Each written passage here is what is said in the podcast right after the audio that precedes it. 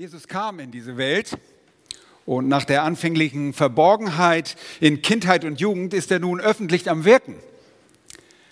Und zwar an dem Ort, den Gott in seiner Souveränität vor Grundlegung der Welt bestimmt hat. Er wirkt in den von uns bereits betrachteten Abschnitten im Markus-Evangelium zunächst in dem Galiläa der Heiden, dem nördlichen Teil Israels. Und sein Dienst ist primär ein Verkündigungsdienst. Er verkündigt das Evangelium vom Reich Gottes und ruft die Menschen zur Buße auf. Er tut das mit seiner ganzen Persönlichkeit und steuert in seinem Dienst bewusst auf das Kreuz zu, in dem die Lösung für uns Menschen möglich werden sollte. Nun, Johannes Markus berichtet uns davon. Er schreibt all diese Dinge auf. Während Jesus seinen Dienst tut, beobachten wir seine außerordentliche Macht. Und das ist Grund zur Freude, wie wir heute Morgen auch schon, heute Nachmittag auch schon in der Schriftlesung gelesen haben, im Psalm 70. Es sollen fröhlich sein und sich freuen an dir alle, die dich suchen und die dein Heil lieben, sollen, sich, sollen alle Zeit sagen, Gott ist groß. Gott ist groß. Jesus beweist nun seine Größe und seine Macht nicht nur durch das lebensverändernde Wort seiner Verkündigung, er beweist seine Macht auch durch Werke, die er an den verschiedenen Menschen, denen er begegnet, tut. Er heilt Kranke und Lahme, er reinigt kultisch Aussätzige und erweckt später sogar Tote. Er geht aus den Begegnungen mit der finsteren Welt immer als Sieger hervor, denn er treibt die gefallenen Engel, die in Panik geratenen Dämonen aus den geplagten und besessenen Menschen aus. Daran konnte niemand Zweifel haben, dass dieser Mann aus Nazareth ein Mann mächtiger Taten war. Die Dämonenaustreibungen waren einfach nicht zu leugnen. Und selbst die High Society aus Jerusalem, die religiöse Elite des Landes, Männer des Hohen Rates, vornehmlich Schriftgelehrte, aber auch Pharisäer, so sagt uns Matthäus, die solche Schriftgelehrten waren, die aufgrund des, der Geschehnisse um Jesus aus der Hauptstadt angereist waren, wurden Zeugen dieser Macht. Das heißt dort in dem Text, den ich euch gleich vorlese, und die Schriftgelehrten, die von Jerusalem herabgekommen waren. Nun, der Zusammenhang legt uns nahe, dass sie aus demselben Grund gekommen waren wie die Massen um Jesus herum.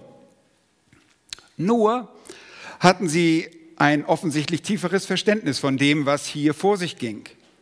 Sie kannten die Schriften und sie wussten, dass hier ein ganz großer gekommen war. Sie waren die Gelehrten der Schrift und waren vertraut mit dem, was in der Geschichte ihres Volkes, was diese Geschichte sein sollte und was zu erwarten war, wenn der Messias des Volkes kommen sollte. Ihnen war eine ganze Menge bewusst und wir halten einen wichtigen Hinweis von dem Besuch des Nikodemus bei Jesus. Erinnert ihr euch von dem, was sie erkannten? Über Nikodemus selbst, der bei Nacht zu Jesus kam, lesen wir im Johannesevangelium wichtige Dinge. Hört bitte gut zu. Da heißt es in Johannes 3, 1 bis 2, es war aber ein Mensch unter den Pharisäern namens Nikodemus, ein Oberster der Juden. Der kam bei Nacht zu Jesus und sprach zu ihm, Rabbi, ich weiß? Nein. Rabbi, wir wissen, dass du ein Lehrer bist, der von Gott gekommen ist. Denn niemand kann diese Zeichen tun, die du tust, es sei denn, dass Gott mit ihm ist. Nun, die Zeichen, die Jesus tat, waren nicht zu leugnen. Und deshalb waren die Eifersüchtigen, das erkannte sogar später Pilatus, und die verhärteten Schriftgelehrten und Pharisäer jetzt dabei, den Herrn der Herren, den Retter, die Hoffnung und den Trost Israels zu verleumden. Ja, sie lästerten ihn. Lasst mich den Text vorlesen aus Markus Kapitel 3, die Verse 22 bis 30. Und die Schriftgelehrten, die von Jerusalem herabgekommen waren, sprachen, er hat den Beelzebul, und durch den Obersten der Dämonen treibt er die Dämonen aus. Da rief er sie zu sich und sprach in Gleichnissen zu ihnen. Wie kann der Satan den Satan austreiben? Und wenn ein Reich in sich selbst uneins ist, so kann ein solches Reich nicht bestehen. Und wenn ein Haus in sich selbst uneins ist, so kann ein solches Haus nicht bestehen. Und wenn der Satan gegen sich selbst auftritt und entzweit ist, so kann er nicht bestehen, sondern er nimmt ein Ende. Niemand kann in das Haus der Starken hineingehen und sein Hausrat rauben, es sei denn, er bindet zuvor den Starken. Dann erst wird er sein Haus berauben. Wahrlich, ich sage euch, alle Sünden sollen den Menschenkindern vergeben werden, auch die Lästerung, womit sie lästern. Wer aber gegen den Heiligen Geist lästert, der hat in Ewigkeit keine Vergebung, sondern er ist einem ewigen Gericht verfallen. Denn sie sagten, er hat einen unreinen Geist. Soweit das Wort Gottes. In unserem Text sehen wir eine Lästerung besonderen Ausmaßes. Aber bei all dem lässt sich der Retter nicht beirren, sondern wir erkennen in diesem Abschnitt, den Johannes Markus unter der Leitung des Heiligen Geistes hier einfügt, die überwältigende Macht des verlästerten Retters. Und das ist mein Thema für heute Nachmittag und ihr braucht nicht einmal Anwendungsfragen, denn der Text wird mit der Kraft des Heiligen Geistes direkt auf euer Leben wirken. Ob du nun Christ bist oder ob du noch kein Christ bist, ob du ein Lästerer bist oder ob du den Herrn liebst. Dieser Text wird das Seine tun. Hör bitte gut zu und sieh dir mit dir, mit mir zusammen an, die Macht des verlästerten Retters in dem Text von Markus 3. Nun, ich sage euch gleich diese drei Punkte, dann könnt ihr gleich eintragen und verpasst meine Punkte auch nicht. Erstens, er besitzt überwältigende Macht. Er besitzt überwältigende Macht. Zweitens, er besitzt vergebende Macht. Und drittens, er besitzt verurteilende Macht. Nun, wenn ihr es noch nicht habt, ihr werdet es noch kriegen. Lasst uns zunächst die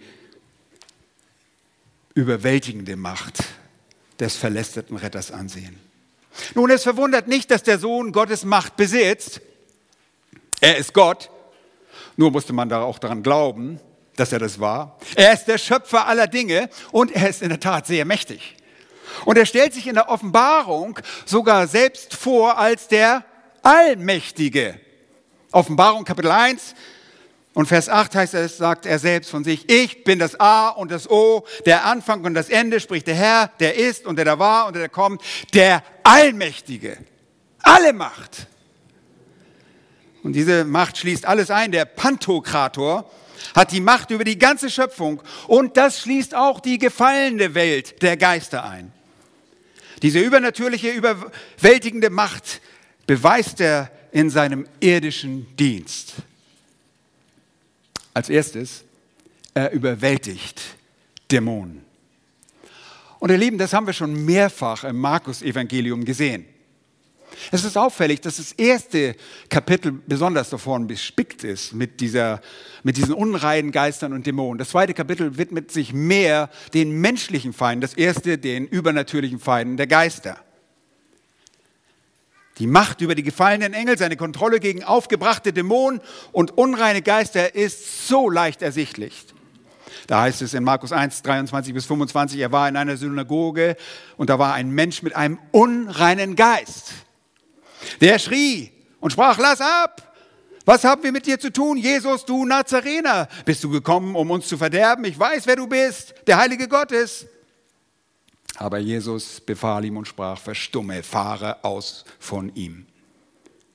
Wenig später in Versen 32 bis 34 lesen wir, und als, am Abend geworden, und als es Abend geworden und die Sonne untergegangen war, betrachteten sie alle, brachten sie alle Kranken und Besessenen zu ihm.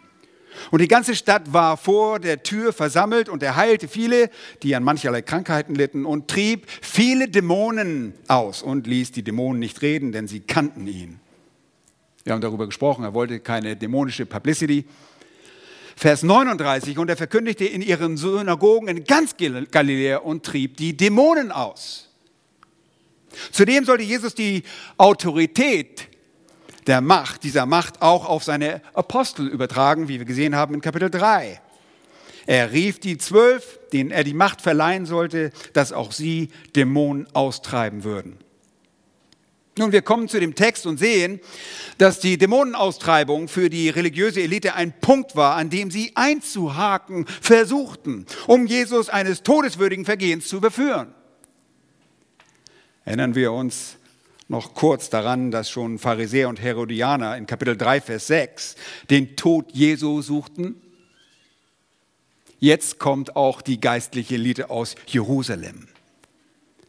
Unser Text sagt in Vers 22, und die Schriftgelehrten, die von Jerusalem herabgekommen waren, herab, ihr wisst, Jerusalem ist erhöht, man geht hinunter nach Galiläa, das ist eine Frage der Topografie, und der, sie kamen und sprachen, er hat den Beelzebul und durch den Obersten der Dämonen treibt er die Dämonen aus. Merkt ihr? Sie können die Macht Jesu über die Dämonen nicht leugnen und greifen deshalb zu anderen Mitteln. Und zwar zu Lästerung. Sie bezichtigen ihn sich äh, Macht, die Macht der obersten Dämonen, der, die Macht des obersten Dämonen zu betätigen, bedienen ein Dämon namens Beelzebul. Nun, was hat es mit diesem Beelzebul auf sich? Wer ist dieser Beelzebul? Nun, die Bedeutung dieses Namens ist nicht ganz einfach. Wir wissen, was Beel ist, aramäisch Baal, heißt Gott oder Herr. Zebul ist ein bisschen eine Frage, aber dieses Baal Zebul, Herr bedeutet, äh, Baal Zebul ist der Herr der Fliegen. Wir denken, Herr der Fliegen? Sind wir hier im richtigen äh, Gottesdienst? Herr der Fliegen?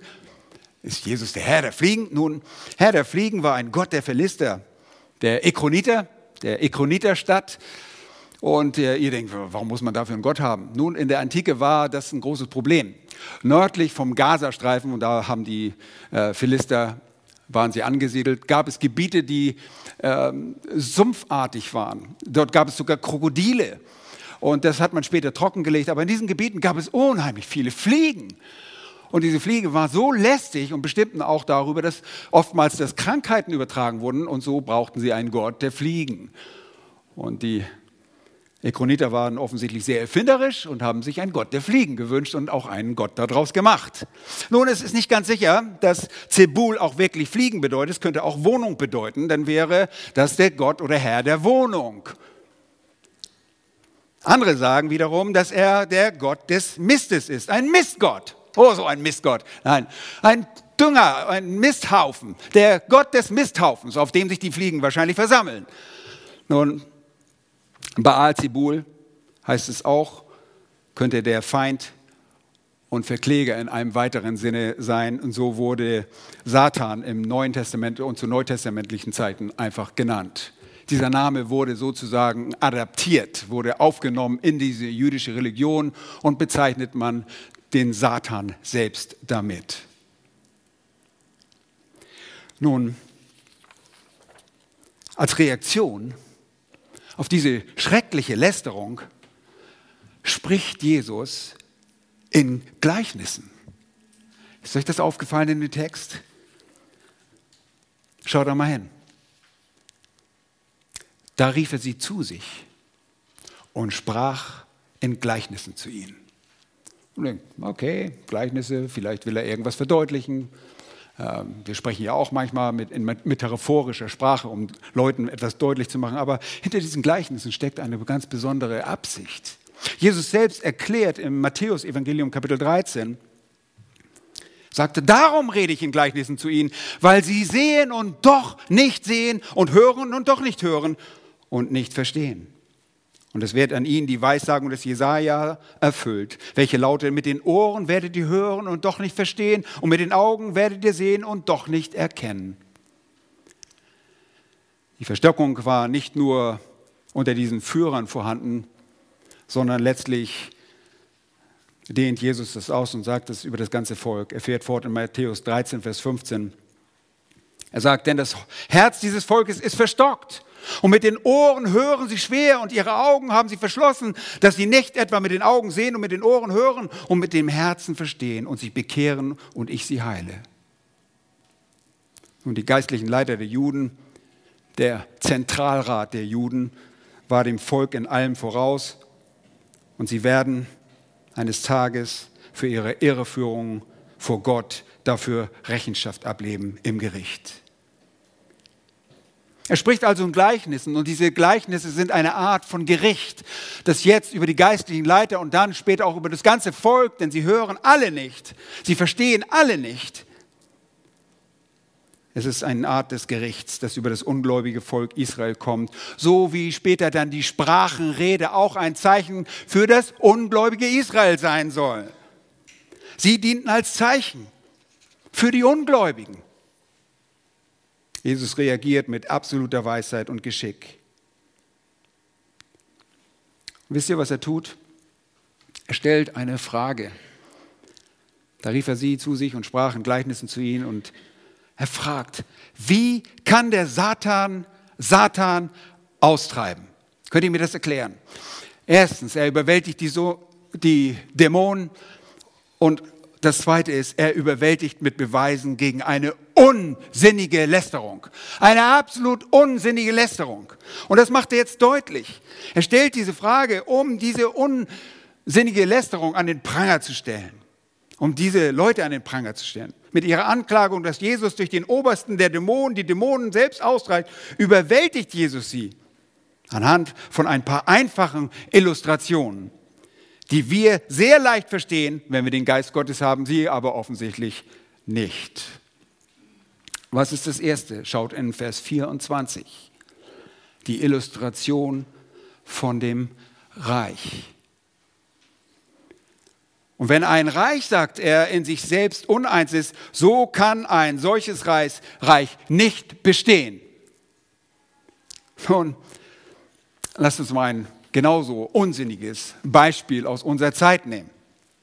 Stellt euch vor, unsere Verteidigungsministerin Annegret Kramp Knarrenbauer ist es nicht, weil sie ist Verteidigungs-, aber sie ist Karrenbauer, wendet sich in Eigeninitiative an eines der Panzerbataillone in unserem Land und sie beordert diese militärischen Verband, sich auf das Haus mit der Glaskuppel im Herzen Berlins zu wenden und es platt zu machen.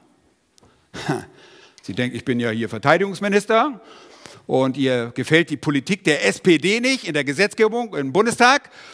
Und bei dem Tanz in der GroKo will sie nicht länger mehr mitmachen und sie sagt, mach das mal platt. Das ist so eine Art Verteidigung. Ne? Ich bin doch dafür da, dass wir verteidigen. Die Bundeswehr, sag ich schon beinahe, als Heer oder sonst was, oder die Panzerbataillone können wir ja einsetzen, um hier mal zu verteidigen. Hm, nun, sie hat sicherlich einiges falsch verstanden. Sie ist ja auch noch nicht so lange im Dienst. Aber das ist ein bisschen unsicher, oder? Unsinnig. Wie kann man sich gegen das eigene Reich, übrigens fragt ihr euch, wieso Reich? Eine interessante Beobachtung gemacht. Wisst ihr, dass wir immer noch deutsches Reich sind?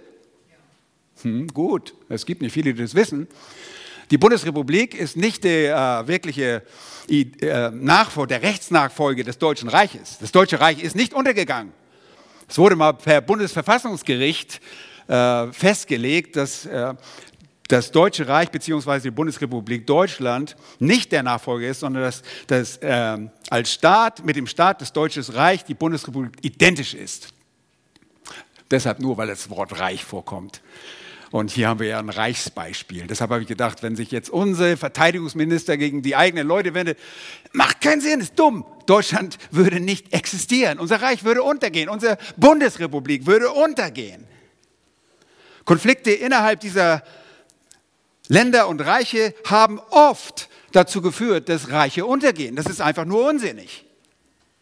Und damit illustriert Jesus, wie unsinnig diese Anklage bzw. diese Lästerung ist. Sehr häufig haben Bürgerkriege verschiedene Reiche in der Geschichte zu einem elenden Ende gebracht. Jesus bringt einen weiteren Beweis vor gegen die unsinnige, verständnisvolle, äh, verständnislose, nicht voll, Argumentation der Schriftgelehrten, und zwar an der Illustration des Hauses. Und da heißt es Vers 25, und wenn ein Haus in sich selbst uneins ist, so kann ein solches Haus nicht bestehen. Häuser, Familien, die keine Einmütigkeit besitzen, stattdessen uneins sind, können nicht bestehen. Sie gehen auseinander. Und einige von euch sind persönlich betroffen und andere von euch sind Zeugen davon. Aber hier ist wahrscheinlich ein Haus mit Haus, eine ganze Dynastie gemeint oder ein Herrscherhaus gemeint. Ein kleines Reich innerhalb eines Reiches. Selbst eine solche Dynastie kann nicht bestehen, wenn sich in ihr die Herrscher gegeneinander richten. Zum Beispiel, wenn Brüder in, einer, in so einem Herrscherhaus sich gegeneinander richten. Die Geschichte hat es gezeigt, dass ganze Dynastien aufgrund dieser Tatsache, aufgrund von Uneinigkeit ein Ende finden. Jesus spricht hier nur ganz logische Dinge an und sagt, macht keinen Sinn. Ein drittes Gleichnis und eine dritte Illustration, die das Argument direkt betrifft, bezieht sich auf Satan, die Illustration Satan. Satan bedeutet übrigens Widersacher. Und da sagt der Vers 26, und wenn der Satan gegen sich selbst auftritt und entzweit ist, so kann er nicht bestehen, sondern er nimmt ein Ende. Nur die Dämonen gehören zu seinem Reich. Sie sind seine Lakaien, seine Diener die sicherlich vom Prinzip her, weil sie Rebellen sind, nicht so sehr leicht zu beherrschen sind. Muss man sich mal vorstellen. Ein Haufen voller Rebellen, die soll man erstmal regieren. Aber weil sie allesamt boshaft sind, liegt darin das verbindende Element in dem Reich der Finsternis. Sie sind alle böse und das vereinigt sie gegen den Schöpfer dieser Welt, gegen das Gute. Sie haben einen gemeinsamen Feind, und das hält sie beisammen. Das durften wir schon in Kapitel 3 sehen, dass sogar Pharisäer und Herodianer, die sich normalerweise nicht zusammentun, aufgrund eines gemeinsamen Feindes zusammentaten und überlegten, wie sie Jesus umbringen können. So sind auch Dämonen. Auch wenn sie sich gegenseitig vielleicht nicht riechen können, müssen sie sich zusammenreißen und sie haben einen gemeinsamen Feind. Und sie ordnen sich dem unter, was ihr oberster Dämon sagt, Teufel, der Widersacher des Herrn, und gemeinsam haben sie einen Feind.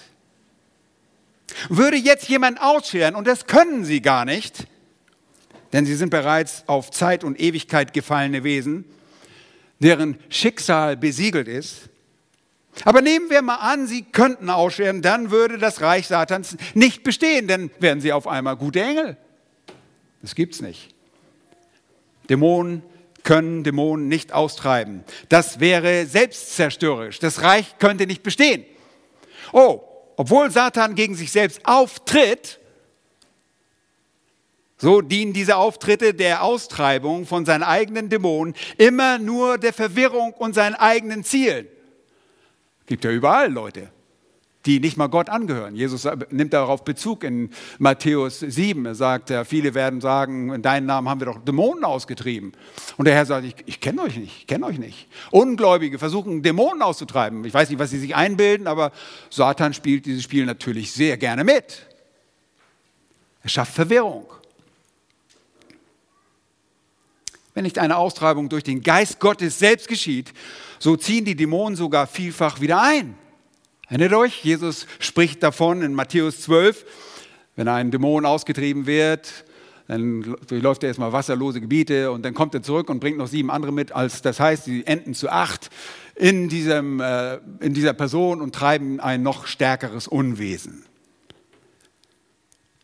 Wir sehen die überwältigende Macht Jesu über die Dämonen, wie so uns Markus so eindrücklich geschildert hat. Ihr habt gesehen, wie sie jedes Mal panisch reagieren.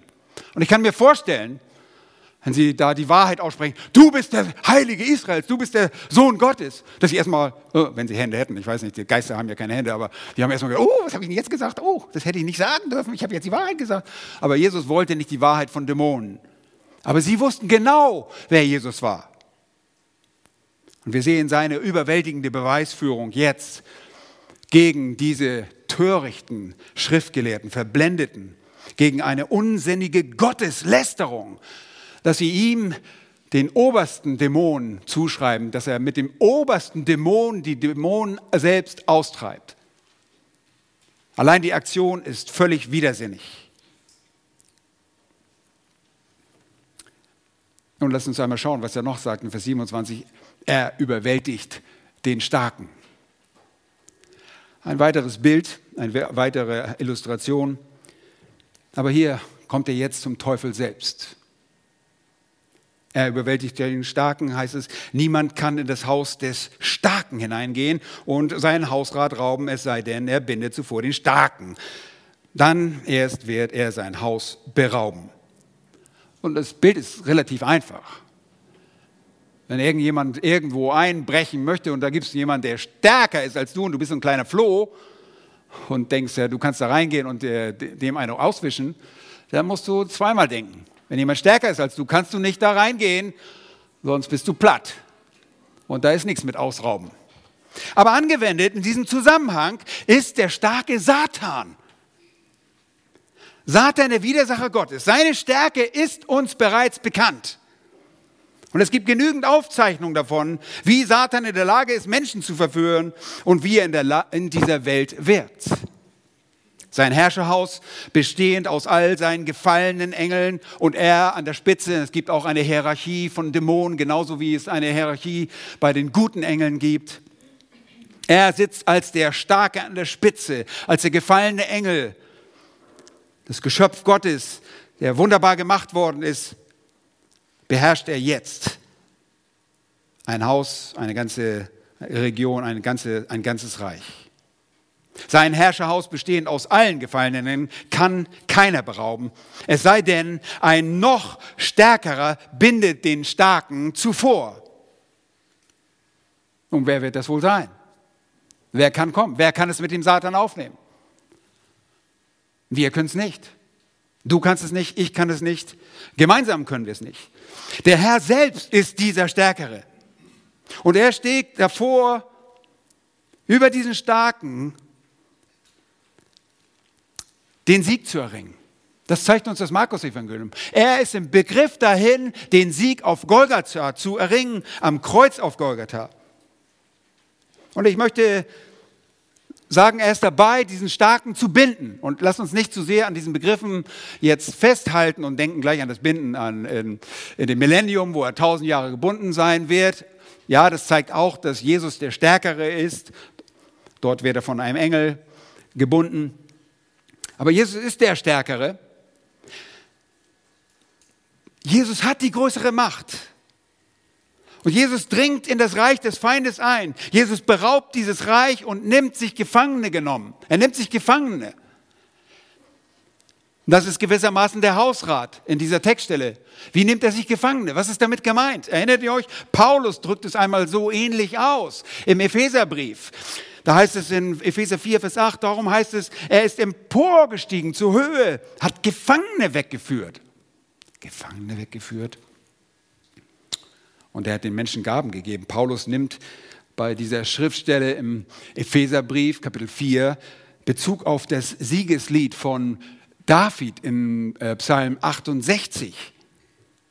Und das tat er um Gottes Eroberung der Jebusiterstadt, in dem nämlich einst die äh, Jebusiter, Jerusalem, in der einst äh, die Jebusiter lebten, er nimmt darauf Bezug und den triumphalen Aufstieg Gottes zum Berg Zion zu feiern. Nach einem solchen Triumph wird der König die Beute und die Gefangenen des Feindes heimführen.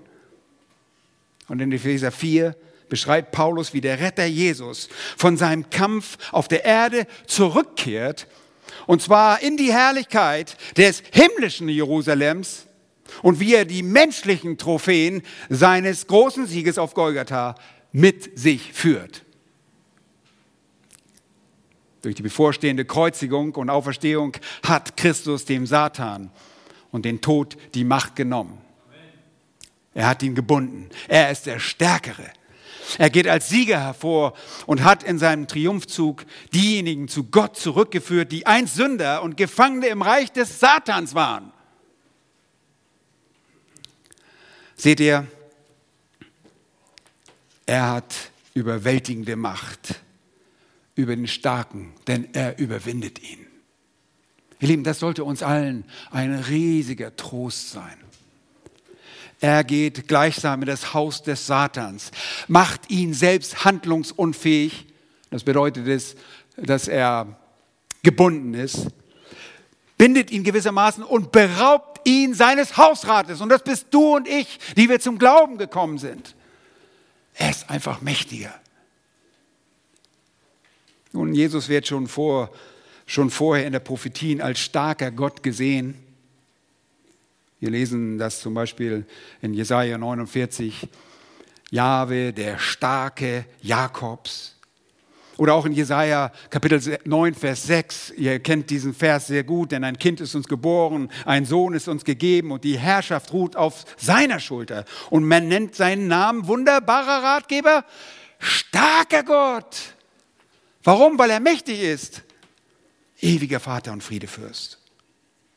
Lest dazu auch einmal, wenn ihr Zeit habt, Jesaja 53 und Vers 12, dort am Ende des wunderbaren Kapitels von Jesaja 53.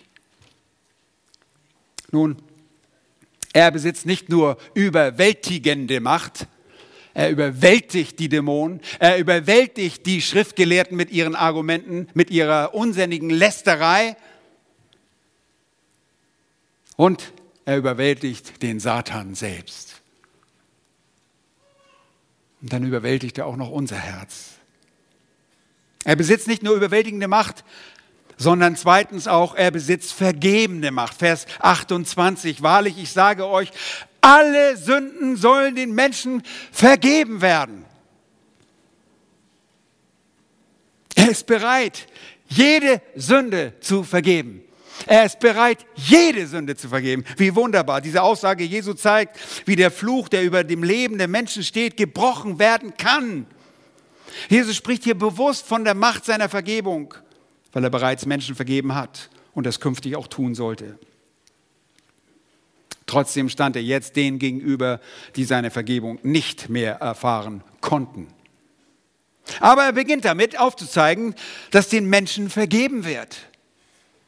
Er versucht damit nicht auszudrücken, dass alle Menschen automatisch und ohne Bedingung, dass ihnen ohne Bedingung vergeben wird, wenn man hier an dieser Stelle aufhören würde, so wie ich das vorgelesen habe, alle Sünden sollen den Menschen vergeben werden, dann denken wir, dass Jesus jetzt sich an dieser Stelle als ein Universalist, als Allversöhner outet. Das ist es nicht. Er versucht nicht anzudeuten, dass alle Menschen automatisch gerettet werden und alle Menschen automatisch vergeben werden. Das tut er nicht. Er sagt nicht, dass es nach einem Gericht in der Hölle ein versöhnendes Ende für alle gibt. Das ist eine Irrlehre. Nein, er weist lediglich darauf hin, dass es im Hinblick auf die Vergebung einen Unterschied geben wird bei verschiedenen Personen. Und die Schrift lehrt, dass alle Sünden der Menschen vergeben werden, die auf der Grundlage der Sündenerkenntnis zu Gott, die zu ihrer eigenen Sündenerkenntnis vor Gott kommen und ihre Sünden bekennen und auf der Tatsache dessen, was Christus durch sein Leben, Tod und die Auferstehung für den Sünder tat, Vergebung finden können. Wenn der Sünder seine Reue zeigt auf der Grundlage der Schrift und der Herr zu einer Herzensveränderung führt, dann gibt es ein neues Leben für jeden Sünder. Und Jesus selbst rief sofort zu Beginn und während seines Dienstes wiederholt dazu auf. Er sagt, die Zeit ist erfüllt, das Reich Gottes ist nahe. Tut Buße und glaubt an das Evangelium. Buße ist nur möglich. Buße ist diese Umkehr, ist das Bekennen der, beinhaltet die, das Bekennen der eigenen Schuld und Sünde vor einem heiligen Gott. Buße ist nur möglich, wenn der Mensch seinen verlorenen Zustand erkennt. Deshalb erzählen wir euch immer wieder, wer ihr seid vor Gott. Du magst sehr gut vor anderen Menschen abschneiden, aber vor Gott schneidet keiner von uns gut ab. Wir sind alle Sünder. Wenn der Mensch erkennt, dass er ein Sünder vor Gott ist und dass sein Leben ohne Gott ihn das ewige Gericht führt, dann Buße tut. Buße ist die Erkenntnis der Sünde und Schuld und beinhaltet die Demütigung vor Gott in dem Bekenntnis dieser Schuld. Indem der Sünder beginnt, so über seine Sünde zu denken, wie Gott es tut. Und dann anschließend entsprechend dem, was Gott sagt, auch handelt. Wenn der Sünder, und das sind wir alle auf der Basis der Schrift und somit auf der Ebene dessen, was Christus sagt, zu Gott kommt, wird ihm vergeben werden. Was ist das für eine tolle Botschaft? Das ist die gute Nachricht. Das Evangelium. Und das möchte uns Johannes Markus zeigen. Das ist der Anfang des Evangeliums. Das ist die wunderbare Botschaft, das Evangelium, dass der gerechte Gott, der Mensch wurde und der den Kreuzestod erleiden sollte, allen, die an ihn glauben, ewiges Leben geben sollte. Dir kann vergeben werden. Egal, wo du dich momentan befindest in deinem Leben. Hast du einmal gelogen? Dann bist du ein Lügner. Bist du auch ein überführter Betrüger? Du bist ein Heuchler. Du bist ein Krimineller oder vielleicht bist du ein Trinker. Oder einer auf die Geschlechtlichkeit bezogener Verwirrter, ein Ehebrecher oder Mörder. Es gibt nichts, absolut nichts, was dir nicht vergeben werden kann. Absolut nichts. Vielleicht denkst du nicht in diesen krassen Rubriken von Sünde, obwohl du dort hineingehörst. Habe ich das klar gesagt? Vielleicht denkst du, ach nee, das sind ja die anderen. Und guckst vielleicht zu deinem Nachbarn und denkst, ja, ja, der hat viel Dreck am Stecken. Nein, du gehörst in diese Kategorie. Und wenn du nicht so denkst, dann bist du eben ein Stolzer. Und das ist die größte aller Sünden, denn der Stolz hindert dich daran, Gott die Ehre zu geben, die ihm gebührt. Stolz ist die abscheulichste Sünde, die Gott über alles hasst. In Sprüche 8, Vers 13 heißt es, Stolz und Übermut, den Weg des Bösen und einen verkehrten Mund hasse ich. Der Glaube ist für deine und meine Vergebung notwendig. Und damit meine ich nicht nur ein bloßes Fürwahrhalten biblischer Fakten. Diese biblischen Fakten werden nicht retten, ihr wisst, das tun selbst die Dämonen. Nein, sondern das ist ein Vertrauen in das Erlösungswerk des Retters, mit dem du dein ganzes Leben auf die Worte Gottes und sein Werk baust. Johannes sagt, wer an den Sohn Gottes glaubt, der hat ewiges Leben. Wer ihm vertraut, hat ewiges Leben. Das ist der Gedanke dabei. Nicht einfach, oh ja, es wird wohl wahr sein und du lebst weiter, wie du leben willst. Du musst ihm vertrauen und dein Leben darauf bauen. Wer aber dem Sohn nicht glaubt, der wird das Leben nicht sehen, sondern der Zorn Gottes bleibt auf ihm. Nun, die Schriftgelehrten sollten hören, wie mächtig der Mann war, den sie dort vor sich sahen, dessen Macht sie nicht leugnen konnten. Die Schrift lehrt, dass die Menschen, die in ihrer Sünde verharren und sie weiterhin lieben, verurteilt werden. Aber alle, die sich dem Herrn zum Herrn bekennen, die ihm die Sünde bekennen, den wird er frei und liebend gern vergeben. Schon der Prophet Micha sollte staunen und er sollte sagen, wo ist so oder wer ist so ein Gott wie du, der die Sünde vergibt und dem Überrest deines Erbteils die Übertretung erlässt, der seinen Zorn nicht alle Zeit festhält, sondern Lust hat an der Gnade. König David schreibt und predigt sich selbst an, Gott zu loben im Psalm 103, Verse 2 und 3. Lobe Jahwe meine Seele, vergiss nicht, was er dir Gutes getan hat, der dir alle Sünden vergibt. Absolut alle. Da ist nicht irgendwas, was Gott rausholt im Leben des Davids und sagt, hau mal hier, habe ich noch was für dich. Ich kann dich leider nicht in mein Reich lassen. Nein, der dir alle deine Sünde vergibt und heilt all deine Gebrechen. In einem Wallfahrtslied heißt es im Psalm 130, Vers 4, aber bei dir ist die Vergebung, damit man dich fürchte. Und im ersten Johannesbrief, den Vers kennen wir wohl sehr gut, 1. Johannes 1, Vers 9, wenn wir aber unsere Sünden bekennen, so ist er treu und gerecht, dass er uns die Sünden vergibt und uns reinigt von aller Ungerechtigkeit. Absolut alles. Und du denkst, ich kann ja gar nicht alle meine Sünden aufzählen. Nein, das kannst du auch nicht. Du bist noch viel schlechter, als du von dir selbst denkst. Aber Gott vergibt dir das ganze Paket, wenn du vom ganzen Herzen zu ihm kommst und sagst, hier ist mein Leben, nimm mein Leben, ich möchte dir vertrauen, ich glaube dir, ich glaube deinem Wort. Nun, Jesus hatte diese vergebende Macht. Und das hat er schon bewiesen in Markus Kapitel 2, Vers 5, als er diesem lahmen Mann auf seiner Matte sagt, geh hin, deine Sünden sind dir vergeben.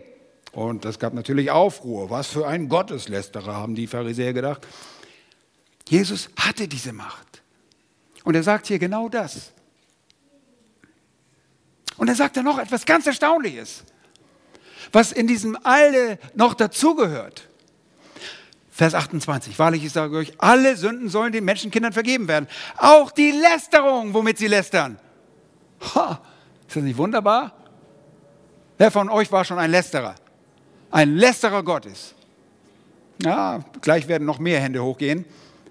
Bereits im zweiten Buch Mose heißt es, Gott sollst du nicht lästern und einem Obersten deines Volkes sollst du nicht fluchen. 2. Mose 22, Vers 7. Lästerung ist zunächst eine Art von Rede, die diffamierend, herabsetzend, abfällig und verleumderisch ist. Wenn man jemanden in einen schlechten Ruf bringt, verunglimpfend, respektlos und schmähend über jemand redet, dann ist es Lästerung. Es ist erniedrigend, es ist missbräuchliche Rede sowie auch Handlung. Jede Lästerung ist eine Lästerung gegen Gott. Und dabei ist es nicht mal relevant, dass sich diese Lästerung direkt und verbal gegen Gott richtet. Die Bibel sagt, wer über den Armen spottet, der lästert seinen Schöpfer. Wer schadenfroh ist, bleibt nicht ungestraft. Sprüche 17, Vers 5. Gottes Lästerung geschieht aber nicht nur durch Worte, sie ist ebenso boshafte Handlung. Da heißt es, wer den Schwachen unterdrückt, der lästert seinen Schöpfer. Wer ihn, das heißt den Schöpfer, aber ehren will, der erbarmt sich über den Armen. Sprüche 14, Vers 31. Unser Text sagt erstaunlicherweise, alle Sünden sollen den Menschenkindern vergeben werden. Auch die Lästerungen, womit sie lästern. Und Gott weiß, dass viele von uns, und ich behaupte fast, dass wir das alle sind, entweder durch Wort oder durch Handlung, in die Kategorie der Lästerung fallen. Im ersten Korintherbrief schreibt Paulus der Gemeinde, weil sie Unrecht aneinander verübten und einander übervorteilten, dass dies gegenüber den, und das gegenüber den Brüdern. Und wir lesen dort in 1. Korinther 6, Verse 9 und 10 folgendes. Da sagt er, wisst ihr denn nicht, dass Ungerechte das Reich Gottes nicht erben werden? Ehrt euch nicht. Weder Unzüchtige noch Götzendiener, weder Ehebrecher noch Weichlinge noch Knabenschänder, weder Diebe noch Habsüchtige noch Trunkenbolde, noch Lästerer noch Räuber werden das Reich Gottes erben. Kein Platz im Himmel, kein Platz im Reich Gottes für Lästerer. Aber diese Lästerung kann vergeben werden. Seht ihr, eine sündige Lebensweise bringt etwas Schreckliches mit sich. Solche Menschen werden das Reich Gottes nicht sehen. Ob du ein Trinker bist, ob du ein Ehebrecher bist oder ein Lästerer, ein Räuber, du wirst nicht in das Reich Gottes kommen, es sei denn, es ist dir vergeben.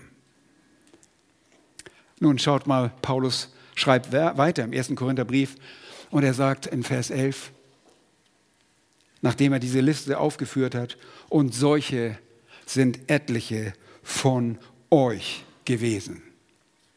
Aber ihr seid abgewaschen, ihr seid geheiligt, ihr seid gerechtfertigt worden in den Namen des Herrn Jesus und dem Geist unseres Gottes. Ist das nicht wunderbare Nachricht? Welche Sünden können vergeben werden? Alle Sünden können vergeben werden. Das ist die gute Nachricht. Komme demütig zu deinem Gott.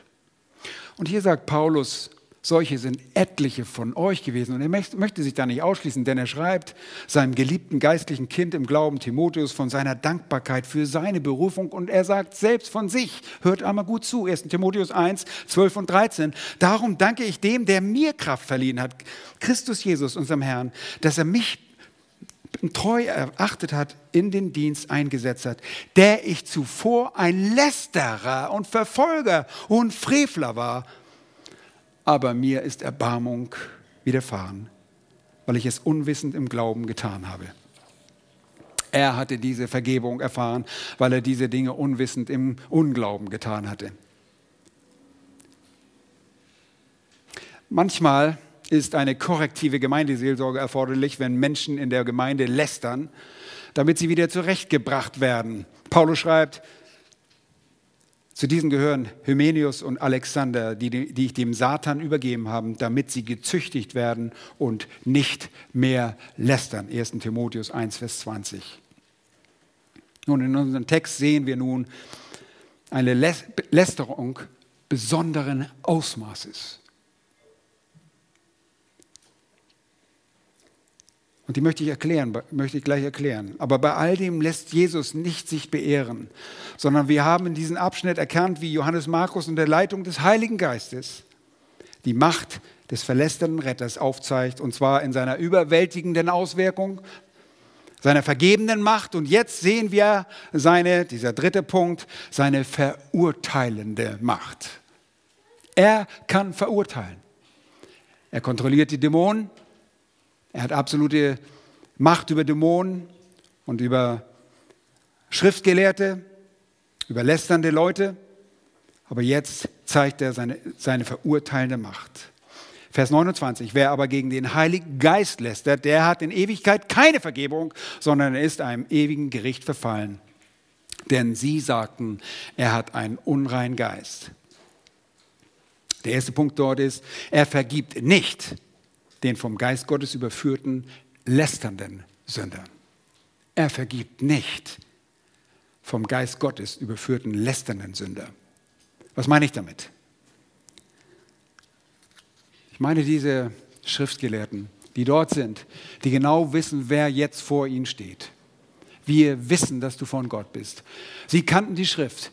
Alles, was im Alten Testament geschrieben wurde, erfüllt sich in Christus. Da ist keinerlei Abweichung, absolute Erfüllung.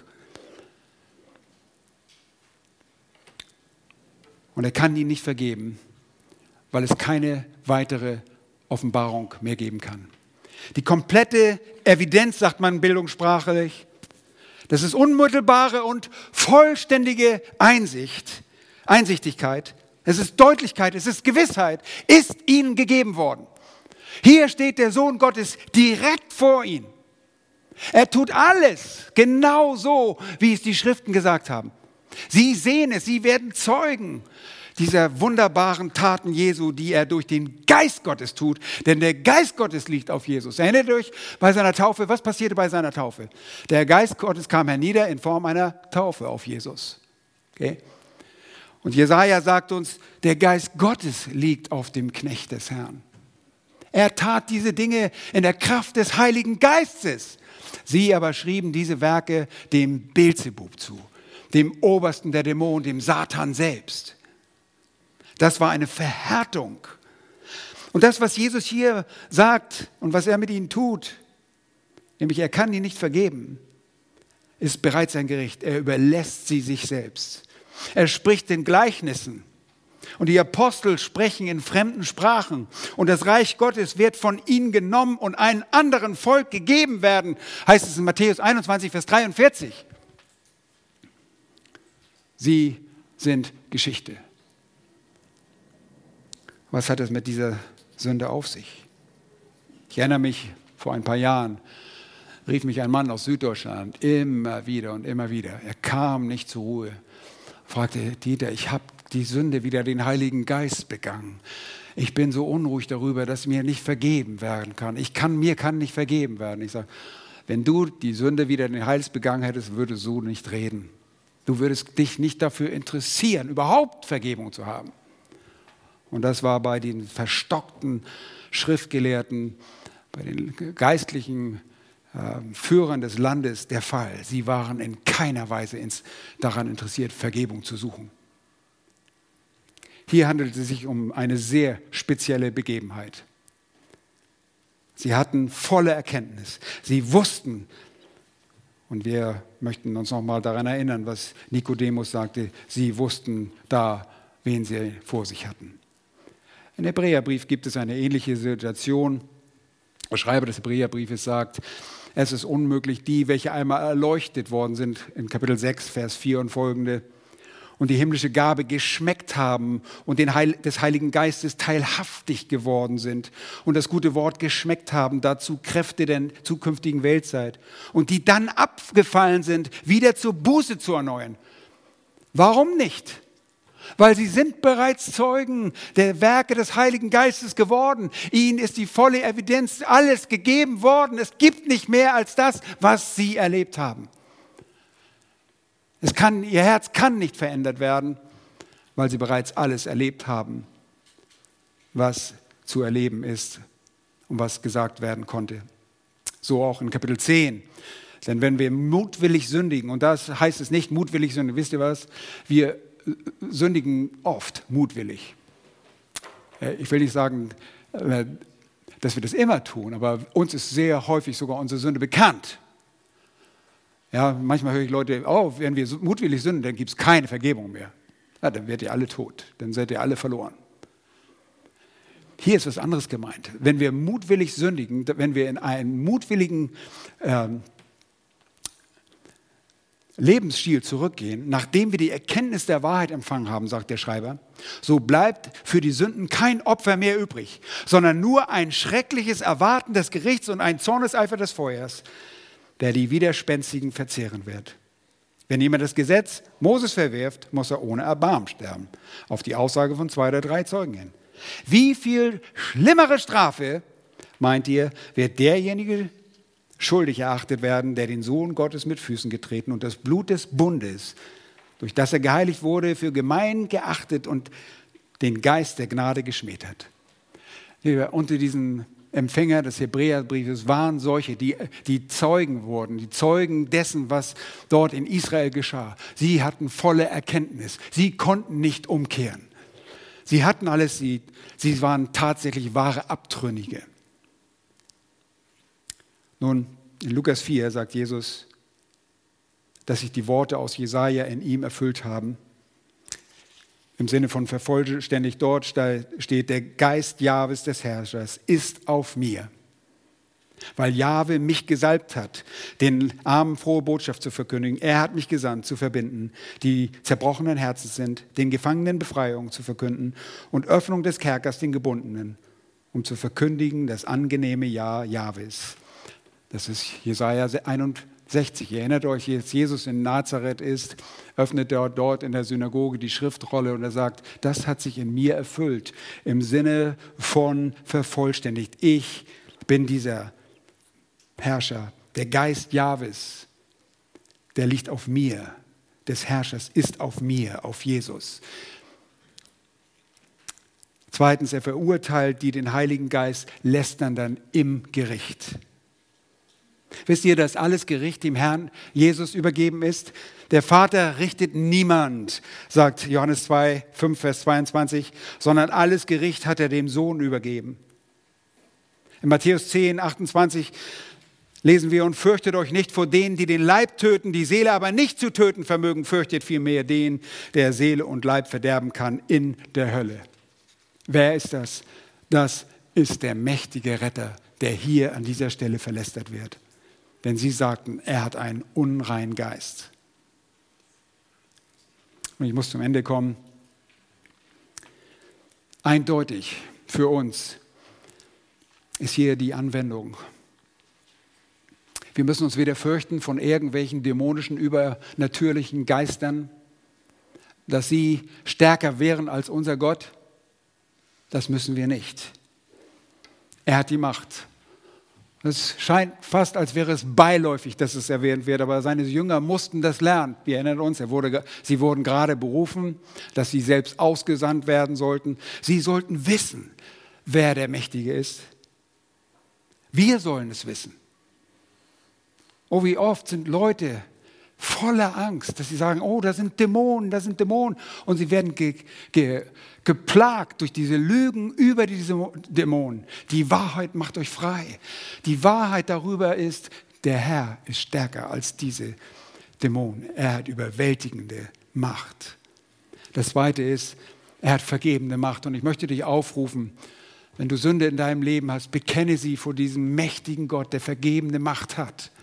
Egal wo du bist, egal was du getan hast in der Vergangenheit, egal was du zukünftig tun wirst, Gott vergibt.